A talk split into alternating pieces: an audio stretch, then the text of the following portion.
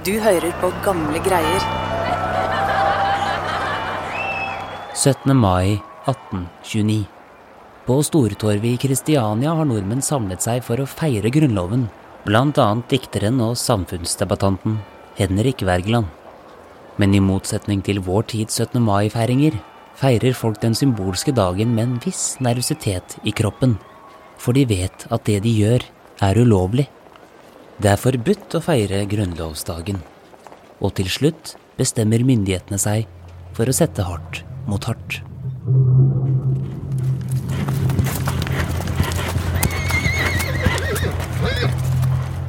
Om kvelden ankommer kavalerister Stortorvet. De står oppstilt mot folkemengden, som får beskjed om å avslutte feiringen. Når ingen etterfølger ordrene, blir feiringen på noen få sekunder omgjort til kaos når kavaleriet angriper folkemengden.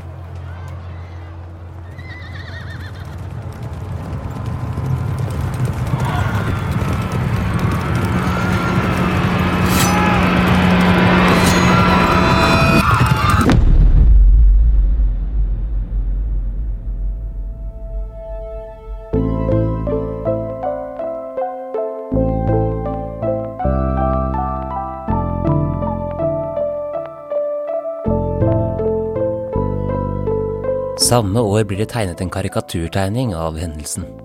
Tegningen skildrer panikken da kavaleriet rir ned sivile nordmenn og folkemengden som flykter for livet. Men hvorfor var 17. mai så kontroversielt? Og hva var det som egentlig utspilte seg på Storetorvet denne maidagen i 1829, som vi i dag kjenner som Torgslaget? Og dette skjedde flere ganger, at rytterne, kavaleriet, ble sendt mot folkemengden. Og hvis du reagerte høylytt og vantro overfor det som skjedde, så kunne du risikere en svingende sabel.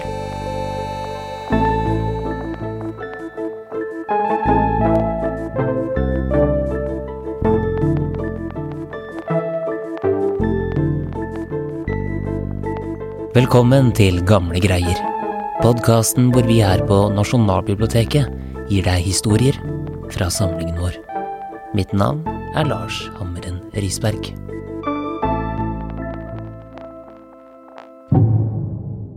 I Nasjonalbiblioteket har vi et historisk bilde påtegna tittelen 'Torvslaget den 17. mai 1829 i Kristiania'. Og i bildet er vi midt inne i en dramatisk slagscene. Vi ser utover Stortorget, omkransa av domkirka og andre bygninger. Ute på Torgplassen er det en mengde skikkelser i et kaos. Arthur Tenne, seksjonsleder for bilder, trykk og konservering her på Nasjonalbiblioteket. Og de rir åtte kavalerisoldater på rekke med heva sverd mot eh, folkemengden. Flere kvinner som er pynta med elegante hatter og kyser, ligger strødd blodige på brosteinene, og bak der borgere av byen som må rømme bort. Og dette skjedde altså på 17. mai 1829, midt i det fredelige Kristiania. Men gir denne karikaturtegningen eh, oss et eh, korrekt bilde av eh, historien her? Så vidt jeg veit, så er bildet lagd av et øyenvitne, nemlig Hans Eriksen Reimers. Han var kjøpmann i Bergen og redaktør av den bergenske Merkur, og han var visstnok til stede under disse dramatiske begivenhetene på Stortorget. Så det er ei øyenvitneskildring med helt klart elementer av sannhet, som gitt et veldig dramatisk uttrykk i dette bildet. Men for å finne den fulle sannheten om dette, så må vi nok grave dypere i kildene. For det fins mange kilder til hva som skjedde, og hvorfor akkurat den situasjonen blei så dramatisk 17. mai 1829. Og den som skal sette oss på det sporet, det er deg, Ruth Hemstad, forskningsbibliotekar her på Nasjonalbiblioteket. Du er også førsteamanuensis i historie og tilknyttet Universitetet i Oslos Nordensatsing. Gi oss nå denne historien om Torgslaget. Ja, dette var jo en dramatisk hendelse på alle måter. Men det er kanskje i overkant dramatisk likevel å kalle det et slag. Men torgslaget er jo blitt en viktig del av den norske 17. mai-historien. Men hva skjedde egentlig 17. mai 1829? Og det er jo et poeng at 17. mai dette året falt på en søndag. Så det var en fridag, det var en varm vårdag. Og byens borgere og embetsmenn og familier, kvinner og barn, alle var ute og gikk. Håndverkere, kjøpmenn, studenter, høy og lav. De var ute og spaserte i byen på denne fine vårdagen.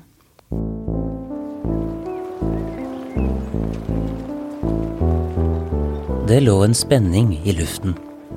Året før hadde kong Karl Johan forbudt feiringen av denne dagen, som var så symbolsk for nordmenn.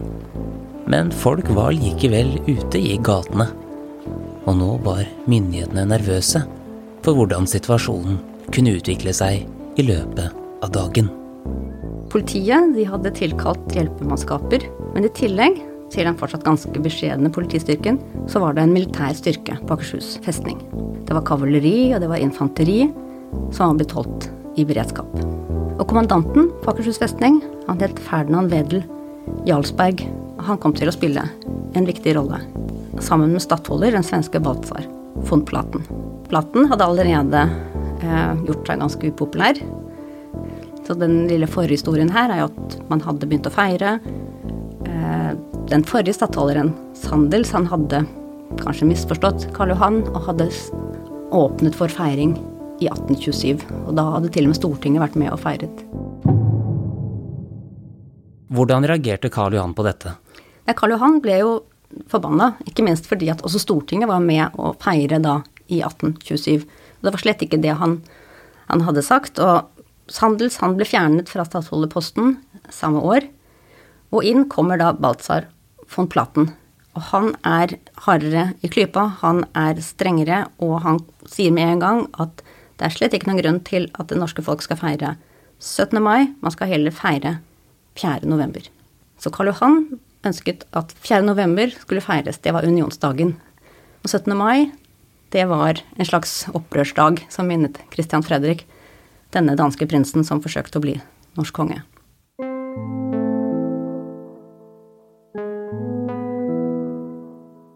For Karl Johan må nordmenns feiring av 17. mai ha blitt opplevd som en offentlig underkjennelse av hans kongemakt i Norge. Siden unionsdagen den 4. november var datoen da Norge gikk inn i unionen med Sverige, og da Grunnloven ble revidert. Men hvis kongen trodde at et forbud ville løse problemet, tok han feil, for i 1829 var folk igjen ute i gatene den 17. mai.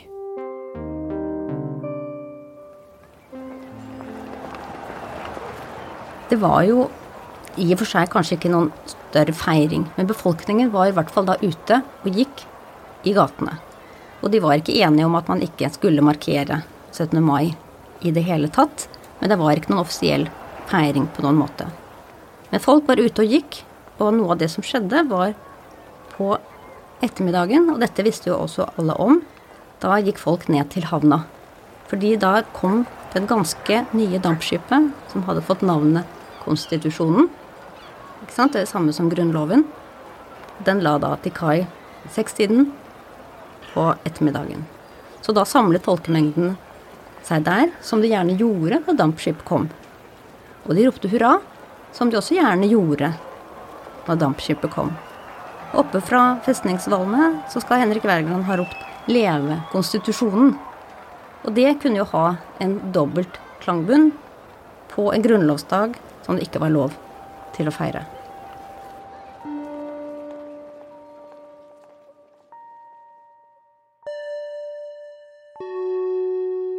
Etter hvert trekker folk seg oppover mot sentrum, og nå er det mellom 300 til 400 mennesker som oppholder seg ved Stortorvet og i gatene i nærheten. Dette er ingen demonstrasjon, men de bryter loven, og politiet følger nøye med på hva de sivile foretar seg, og noterer f.eks. hvilke mennesker som roper hurra i gatene. I dag tenker de færreste av oss at det å rope hurra på selveste 17. mai skulle være et problem men det å rope hurra på denne tiden kunne ha en helt annen betydning. Hurraropet, som vi i dag tenker på som helt ufarlig, og som barna roper i 17. mai-toget, det har en krigersk bakgrunn. Det kommer fra tyrkiske eh, Janitsjar-tiden, og det var et kamprop som betydde 'drep Sånn at den dobbeltheten med det begrepet, som vi ikke har noe forhold til i dag, den var levende fortsatt tidlig på 1800-tallet. Så når disse politistyrkene gikk rundt denne dagen, som de gjorde, de fulgte folkemengdene, de var med på havna, og når konstitusjonen kom, og de fulgte med inn på Stortorget og i gatene, så noterte de seg ned. Noterte de ned når folk sa hurra. Og politiet forsøkte etter hvert å snakke til folk og få folk til å gå hjem. Men mange av de som da var ute, de protesterte, og de mente at politiet hadde ikke noen rett til å be dem om å gå hjem. De hadde rett til å være på gaten, de hadde rett til å være utenfor huset sitt. Og de var selvfølgelig da også nysgjerrige på om det kom til å skje noe. Og det gjorde det? Det gjorde det. Fordi klokken ti på kvelden så skulle gatene egentlig være tomme. Da skulle folk komme seg hjem. Og det som skjedde, det var at de sivile myndighetene i byen, de ga opp. Og de overlot så å si ryddingen av gatene til de militære. Og de militære, de var forberedt.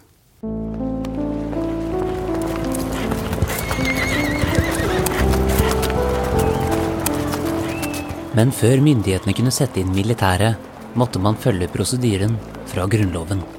Man leste opprørsloven høyt tre ganger foran folkemengden. Da ingen på Stortorvet gikk hjem, ble militæret satt inn, ledet av Ferdinand Wedel Jarlsberg.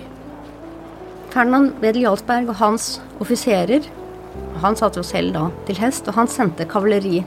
Kavaleriet, kanskje det var åtte hester og menn, ryttere, som ble sendt mot folkemengden med hevede sabler. Og folk eh, mistet balansen og falt. Og dette skjedde flere ganger, at rytterne, kavaleriet, ble sendt mot folkemengden. Og siden så overtok da fotjegerne. Folket de skulle jages hjem, og gatene skulle ryddes. Og kom du i veien, så fikk du en geværkolbe i brystet.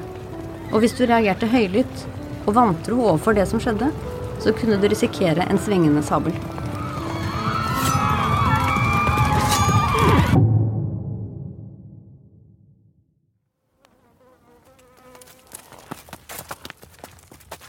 Hvis man kun forholder seg til karikaturtegnerens versjon, får man fort inntrykk av at flere sivile må ha mistet livet.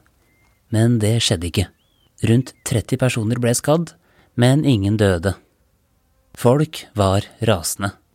Blant annet Henrik Wergeland, som hadde fått studentuniformen sin ødelagt etter at en kavalerist traff jakken med sabelen.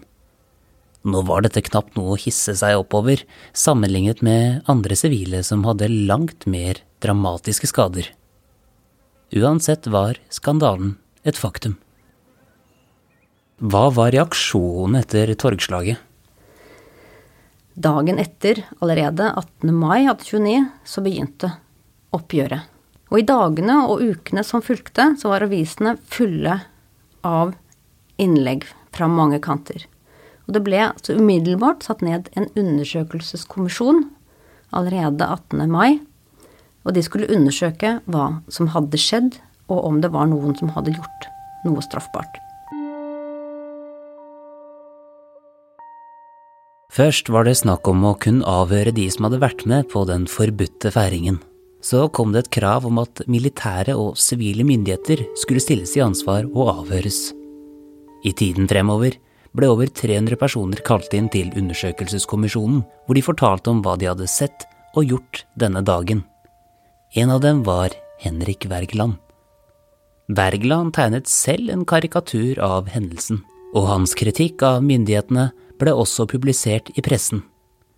Og det var dette etterspillet som ga han en sterk tilknytning til 17. mai-feiringen i ettertiden, og en sentral plass i historien om torgslaget.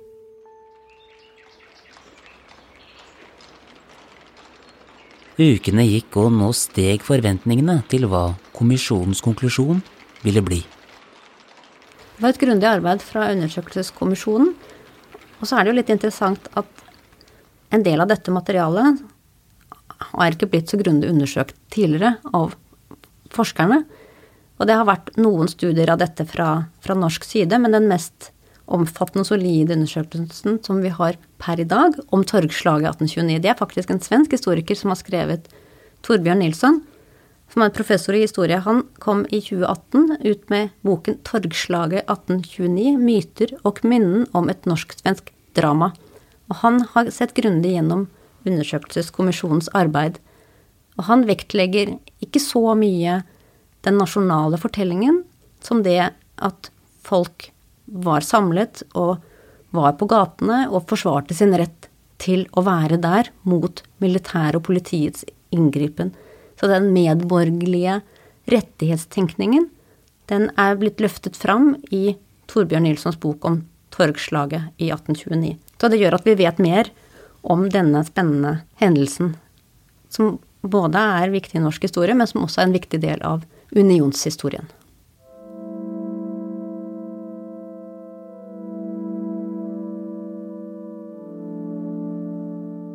Og så kom etter hvert konklusjonen, og hva sto der? Dette hele endte med, kort fortalt, at ingen ble dømt.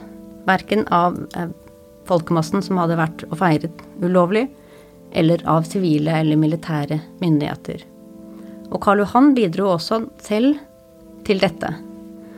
Og noe av poenget var nok å bilegge striden, og på en måte bli ferdig med det så skal det sies at denne hendelsen gjorde sterkt inntrykk, og folk feiret jo ikke 17. mai normalt igjen eh, før Karl Johan døde. Men torgslaget gjorde jo også at eh, dette håpet svenskene hadde om å få en større oppslutning blant nordmenn til unionen, nærmest ble umulig, og Wergeland ble en enda mer sentral person eh, i det norske samfunnet etter dette. Så hvis vi ser tilbake på torgslaget i dag, kan vi si at det har vært en viktig del for vår eh, nasjonale identitet? Jeg tror vel ikke i den nasjonale identiteten i dag at torgslaget spiller noen rolle, for jeg tror ikke så mange kjenner til denne historien.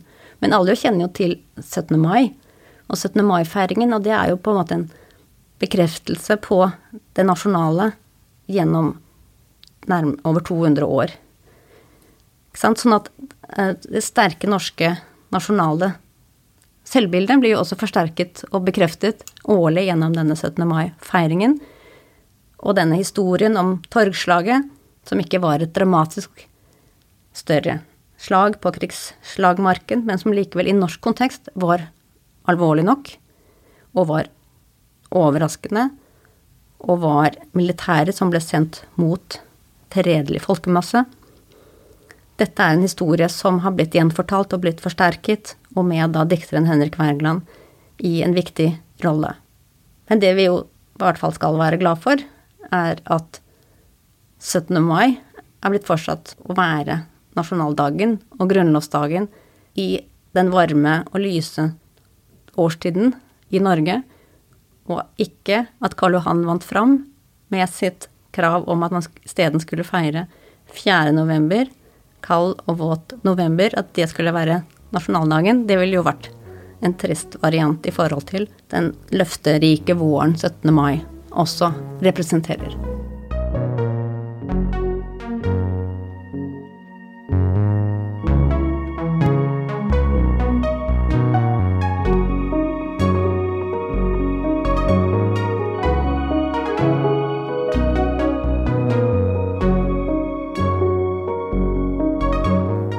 Fikk lyst til å lese mer om torgslaget, så finner du flere bøker i samlingen vår om denne hendelsen. Eksempel boken Torvslaget den 17. mai 1829, et hundreårsminne av Rolf Lake, eller Torgslaget i 1829, myter og minner om et norsk-svensk drama av Torbjørn Nilsson. Og hvis du går inn på artikkelen til denne podkastepisoden på nb.no, så finner du alle tegningene om torgslaget fra samlingen. Musikken du hørte i denne episoden, og som du hører akkurat nå, er skrevet og produsert av Therese Aune. Du finner mer av hennes musikk på thereseaune.com, eller der du strømmer musikk til vanlig. Mitt navn er Lars Hamren Risberg. På gjenhør.